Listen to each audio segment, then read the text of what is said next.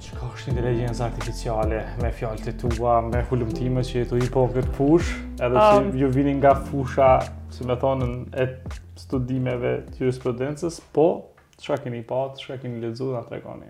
Uh, fillimisht prapë edhe një herë faleminderit për ftesën knaqësi me qenë këtu edhe me bisedu sot për një temë kaq të rëndësishme edhe aktuale. Um, fakt, inteligjenca artificiale nuk është diçka e re, është diçka që ekziston ma shumë se një shekull, um, edhe për herë të parë, tash kur flasim për inteligjencën artificiale, uh, duhet me kuptu si term, por edhe si një fushë të re akademike.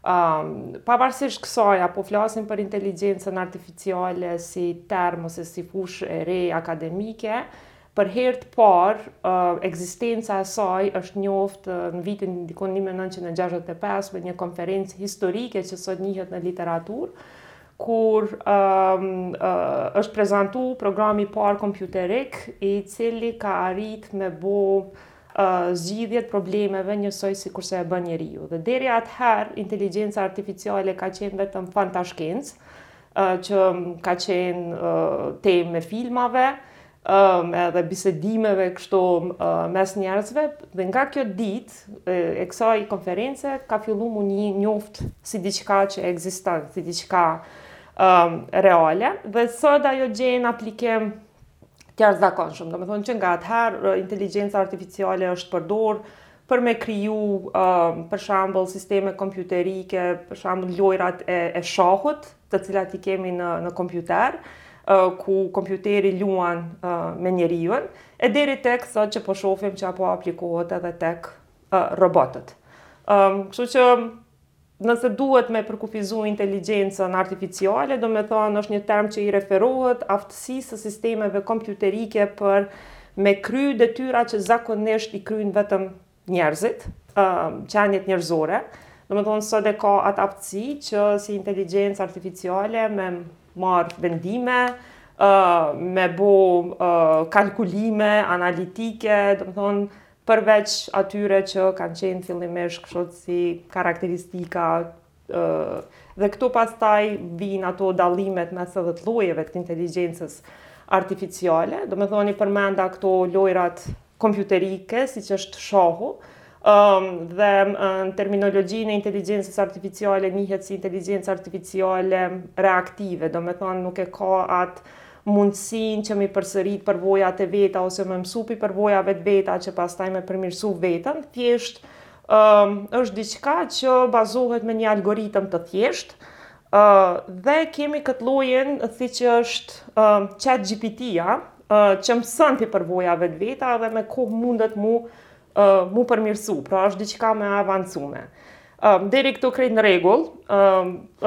tash domethonë kërkimet janë në atë drejtim që të krijohet edhe inteligjencë artificiale që ka emocione, që ka ndërgjegje, që mundet me... Ka tendenca, po, ka tendenca, po, po nëse kini pa në media, vetë Elon Musk ka bërë thirrje, domethonë që kërkimet në këtë drejtim të ndalen, sepse po paraqiten të rrezikshme, nuk po dihet çfarë ndikimi kanë me pas, por po shihen të rrezikshme, tash çfarë informacione kanë dhe ku kanë arrit, ne nuk e dim, ndoshta edhe kanë arrit me ndonjë prototip që ne nuk e dim, dhe ka rezultu me qenë diçka e rrezikshme, por këtu ky lloj i inteligjencës artificiale në të ardhmen ka me pas mundësi që mi lexu, me lexu edhe mendjen, edhe emocionet e qenieve të ndryshme, domethonë përfshirë këtu edhe qeniet njerëzore.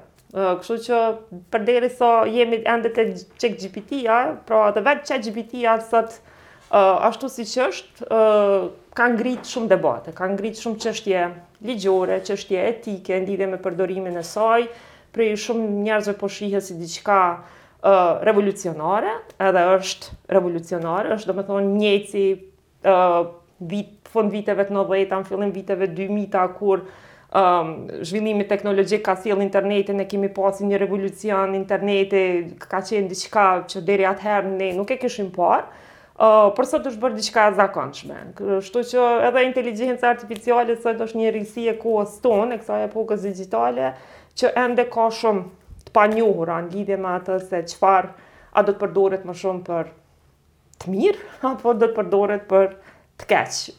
Pra kjo mbetet për t'u parë akoma. Edhe pse kur po flet, po më duket se kjo inteligjenca artificiale është një farë përpjekje njerëzore për ta për ta kthy atë skllavërinë e hershme kur atë sistemin skllavopronar kur njerëzit kanë pas skllevër dhe skllevërit kanë punu për ata dhe tash ne jena n'kërkim të skllevërve le të themi elektronik që punojnë për ne Po, në një farë mënyre edhe ata janë vetëmenaxhushëm edhe më të lirë, kur po them më të lirë. Si ndikon kjo në shkallën e papunësisë? Papunësisë. Tash ai debati që është duke u zhvillu n'këtë drejtim, um, gjithmonë ka, normal, sa herë që del diçka e re, i ki ata uh, që e mbështesin, dhe ata që e kundërshtojnë. Ata që e mbështesin janë pro idesë që inteligjenca artificiale nuk do të duhej ta zavendësonte njerin në asgjë, por duhet të bashkekzistojë me njerin.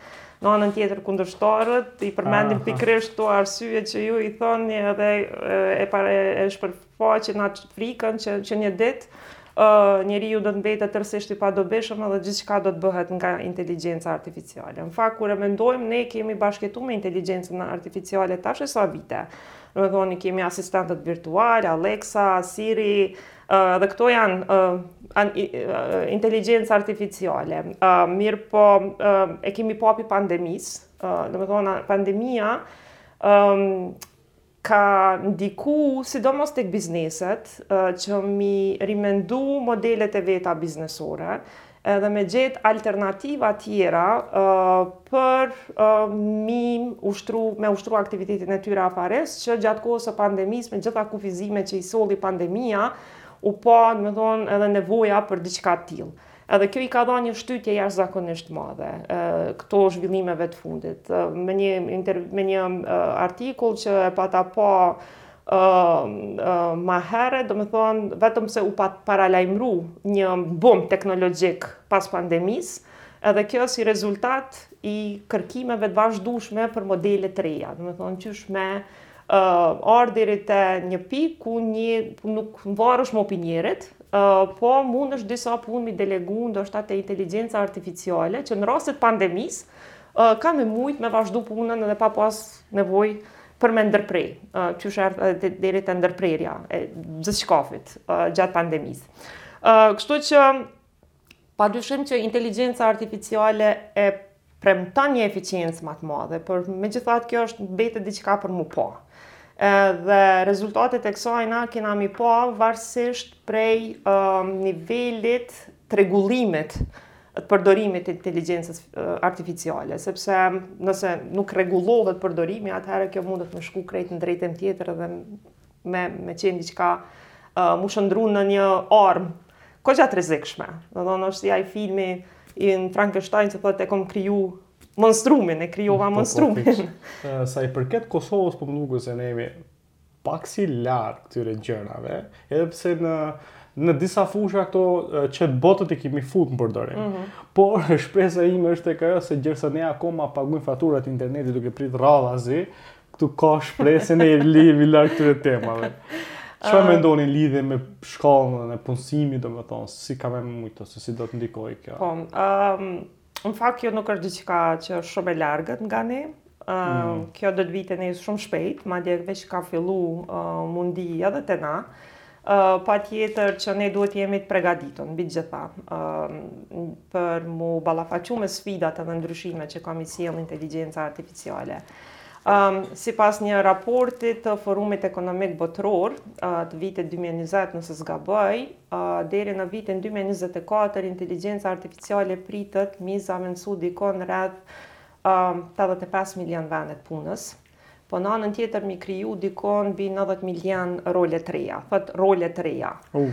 Uh, pra, uh, Sot, për shembull, thash që bizneset uh, kanë fillu që disa profesione uh, në kuadër të aktivitetit afarist tyne t'i zavendsojnë me inteligjencë artificiale. Për shembull, asistentët virtualë, thash, janë këtu këta zyrtarët për futjen e dhanave, uh, tutorët, janë asistentët ligjorë, paralegals, të cilët njihen, janë ka profesione të ndryshme, domethonë, të cilat do të preken, edhe vetë nëse e, e pyt GPT-n se cilat janë profesionet të cilat do të preken ma s'pari ta jep listën me 20 top profesione, të cilat kanë mu ndiku ma s'pari prej këtyre ndryshimeve. Ka një lloj sinqeriteti që ka, ChatGPT, gjithë po, po, ka. Ka, edhe pse ndonjëherë kur e pyt për ndikimin negativ tina din me t'jep edhe shumë të anshëm përgjigjen që e kam testu disa herë. Skoga i si që. Fol ma shumë për anë pozitive, nuk fol, se ashtu t'është trajnu, algoritmi është i tillë, domethonë që e bën atë për me bisedë, me fol ashtu.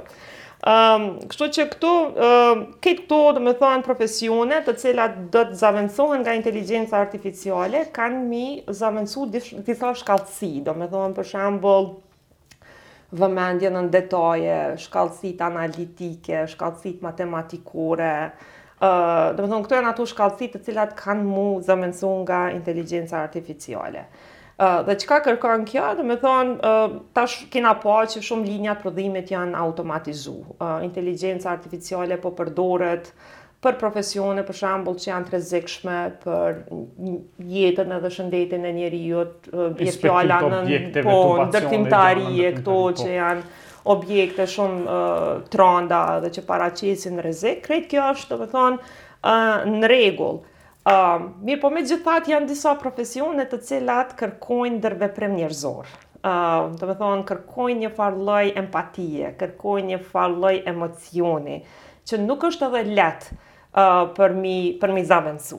Po e zam, unë vij nga fusha e arsimit, profesori, nuk është lehtë që inteligjenca artificiale me zavendësu aq shpejt. Edhe pse edhe kjo do të vijë, ndoshta dikur do të shuhen edhe universitetet, ndoshta në të ardhmen, sepse dikush derisa vjen mu më dëgjon aty për dy orë ligjëroj, ata hyn e bën pyetjen edhe i merr këto informacionet nga chat GPT-ja në këtë rast, ose modele tjera të cilat mund të zhvillohen bazu në modelin e chat GPT-s. Kjo nuk dihet, por në anën tjetër thash ka me kriju edhe vende të reja të punës. Tash për shembull po e marr profesionin e mjekut. si vepron inteligjenca artificiale dhe chat GPT-ja në këtë rast. Sa më, si me thënë, sa më mekanike që është një profesion, mundësia që m'u zëvendësu prej inteligjencës artificiale është më e madhe. Më e madhe, aha. Sa më pak mekanike është profesioni, mundësia për m'u zavendësu nga inteligjenca artificiale është më e vogël. Po e marr rastin e mjekut. Shkon te mjeku, mjeku e ka një farë protokoli, të pyet për historinë familjare, po e sheh, domethënë, mos ke të trashëgume diçka, historinë mjekësore, t'i merr dhanat në lidhje me simptomat të cilat ti i ke pas, i proceson dhanat, edhe në fund vjen me një diagnozë. Uh, domethënë është diçka që munesh përmes algoritmit me trajnu inteligjencën artificiale që nesër me mujt me ta zavendësu mjekun në profesion. Në anën tjetër, profesioni i infermierit është pak ma vështirë për me zavendësu. Se aty të vyen një farë shkathtësie emocionale, të vyen një farë empatie, empatie, dhembshurie, se ki me ia ndrru fashën, ki me ia jap një injeksion, ki me qetësu pacientin, këto nuk mundet me bo inteligjenca artificiale. Domethënë, ka profesione të tilla të cilat kanë m'u um, zavendësu shumë shpejt, por ka edhe të tjera të cilat ndoshta ka me marrë kohë pak ma gjatë. Edhe pse me këtë zhvillim ka me ardhë dita kur ndoshta krejt asnjë profesion s'ka me mbetë pa u prekë uh, prek pa u ndiku prej inteligjencës artificiale, por njëherë, domethënë, janë këto të cilat janë më mekanike, domethënë që janë procese kështu të më të përsëritshme që mundesh përmes algoritmit, ë thash në fillim, po punohet edhe në drejtim të krijimit të inteligjencës artificiale, e cila ka me pas edhe këtë anën emocionale, ndërgjegjen e këto, dhe kjo nëse bohet, atëherë po, atëherë ë atëherë është pytja se çka ndodh me neve. por deri atëherë besoj që ne kena me bashkëjetu me inteligencën artificiale, ndërkohë që për shambull në rastin e mjeku që e mora si shambull, në këtë rast mjeku ka me kon i lirë, uh, ka me pas kohë ma shumë, m'u fokusu në kërkime dhe hullumtime për me sjell në treg një ilaç, të ri ose një procedurë të re për ndonjë intervenim kirurgjik, pra njerëzit kanë me mujtë ndoshta m'u orientu dikund tjetër, por krejt këto kanë me kërku shkathtësi të reja. E ke parë? Po. Si me thonë, zbulimet e reja teknologjike, më duket ka shumë motiv edhe nga filmat. Po. Janë regjisorët, skenaristët, ata të parët që parashikojnë diçka, nga imagjinata e tyre dhe e shohim pas disa viteve ajo kthehet në në realitet. Për shembull ne nëpër filma kemi këto omniskanerat, skanerat të cilët të bëjnë skanim shëndetësor krejt trupin përnjëherë. Edhe aty për aty ta përcaktojnë diagnozën, të japin barnat edhe ti për një kohë shumë të shkurtë kthehesh në shëndet. Po, domethënë.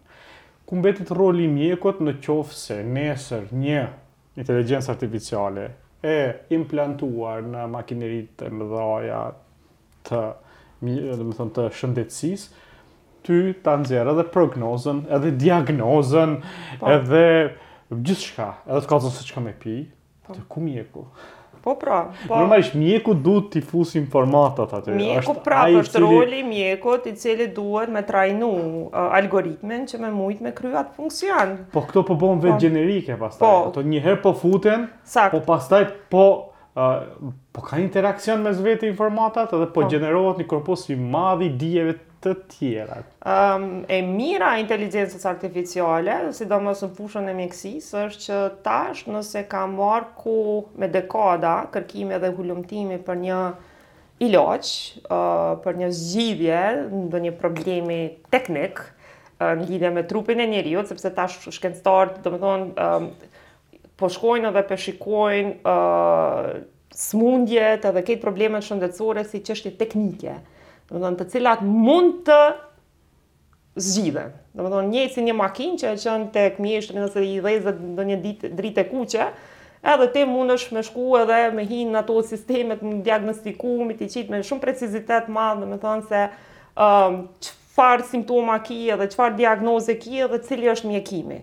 E mira është domethënë që inteligjenca artificiale sot mundet m'u përdor që këtë periudën e kërkimit edhe hulumtimit me e zvoglu, që me dalë në treg një ilaç për një kohë shumë ma të shkurtë. Domethënë, nëse ka marrë 100 vjet kohë për me pru në treg një ilaç kundër një smundje kronike, tash do të kërkohet ndoshta një kohë ma e shkurtë. Por, Unë prap e shoh rolin e mjekut këtu, sepse janë shkencëtarët, janë mjekët, ata të cilët njëherë s'paku fillimisht, se thashë ky është një lloj i inteligjencës artificiale që mëson nga përvojat e veta edhe ka mundësi me përmirësu veten edhe me avancu vetë veten pastaj. Por ato informatat fillestare, domethënë, i jep gjithmonë Njeri.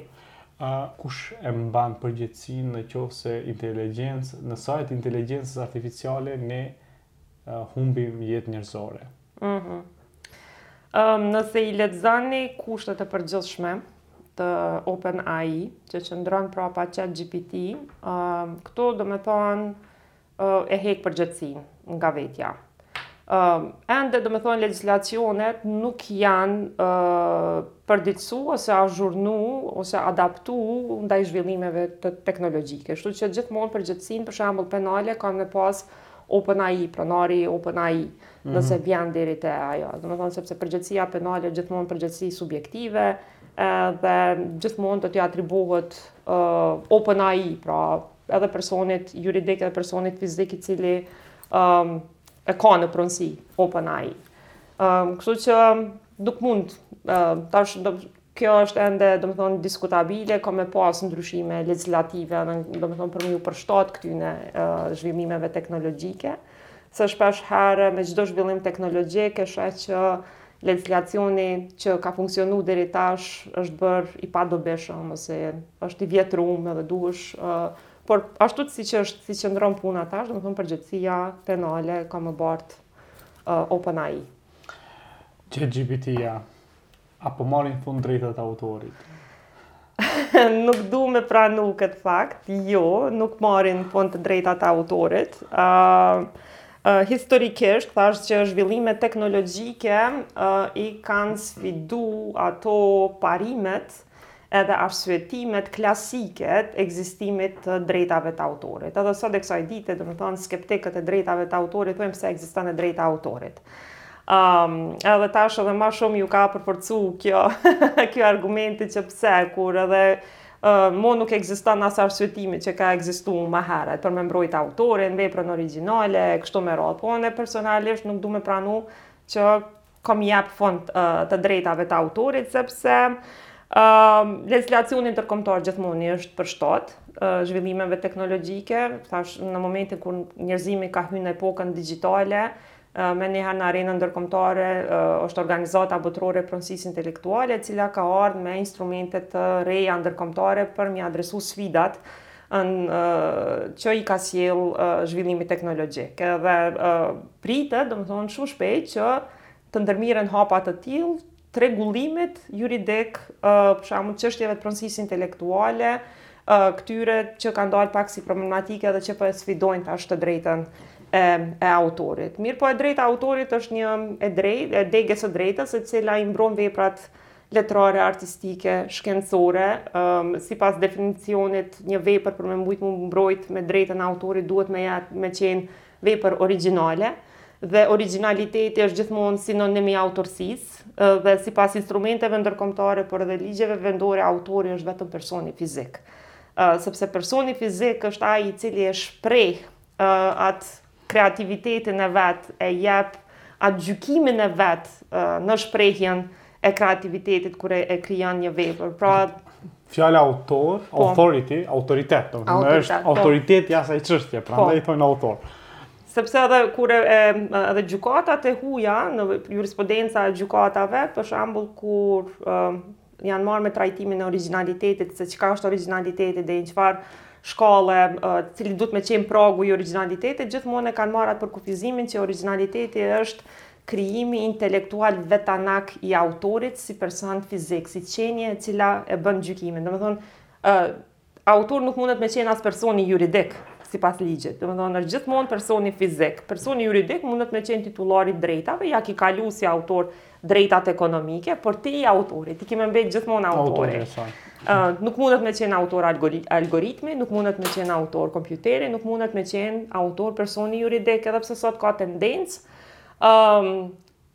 Normal që bizneset, industritë që i përmende më herët, të cilat kanë interes për me zhvillu inteligjencën artificiale, kanë me lobu që edhe veprat të cilat krijohen nga inteligjenca artificiale të mund të mbrohen me të drejtën e autorit edhe inteligjenca artificiale të mund të njihet si autor, sepse ky është Hmm. qëllimi, sepse janë investime të mdhaja dhe dojnë me pas kthim të investimeve.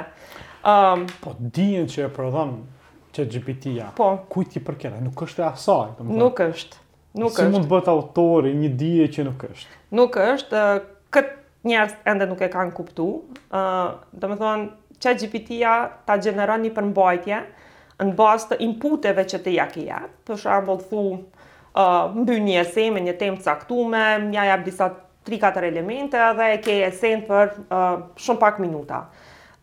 Mënyra se si vepron ChatGPT-ja është domethënë vepron në bazë algoritmit, mbledh Mhm. mbledh ma informacion, kombinon, po. nuk jap referenca, mhm. asnjëherë nuk jap referencë, me tregu këtë e mora këtu, ose huazova nga ky autor, domethënë të merr atë përmbajtje, duke mos e pas idenë fare se nga kush e ka marrë. Edhe ta jap ty një tekst që ti pastaj vendos, me ia vendos emrin tënd edhe me e përdor si diçka tënden. Kjo është e shëmtume. Uh, kjo është është e shëmtume, kjo është edhe uh, nesër del dikush edhe unë për veti vetë e kam testu. Kam kërku me ma shkru një ese, edhe pastaj atë ese e kam marrë e kam vendos në uh, softverin antiplagiat. Dhe e mira e softverit antiplagiat është që do herë detekton plagiaturë, t'i hijezon pjesët, por edhe ta jap referencën, edhe kom arrit me gjetë edhe burimin nga ku e ka marrën. Tash paramendoni një një situatë, kur dikush e merr dhe publikon, edhe nesër i troket dikush në derë, thotë,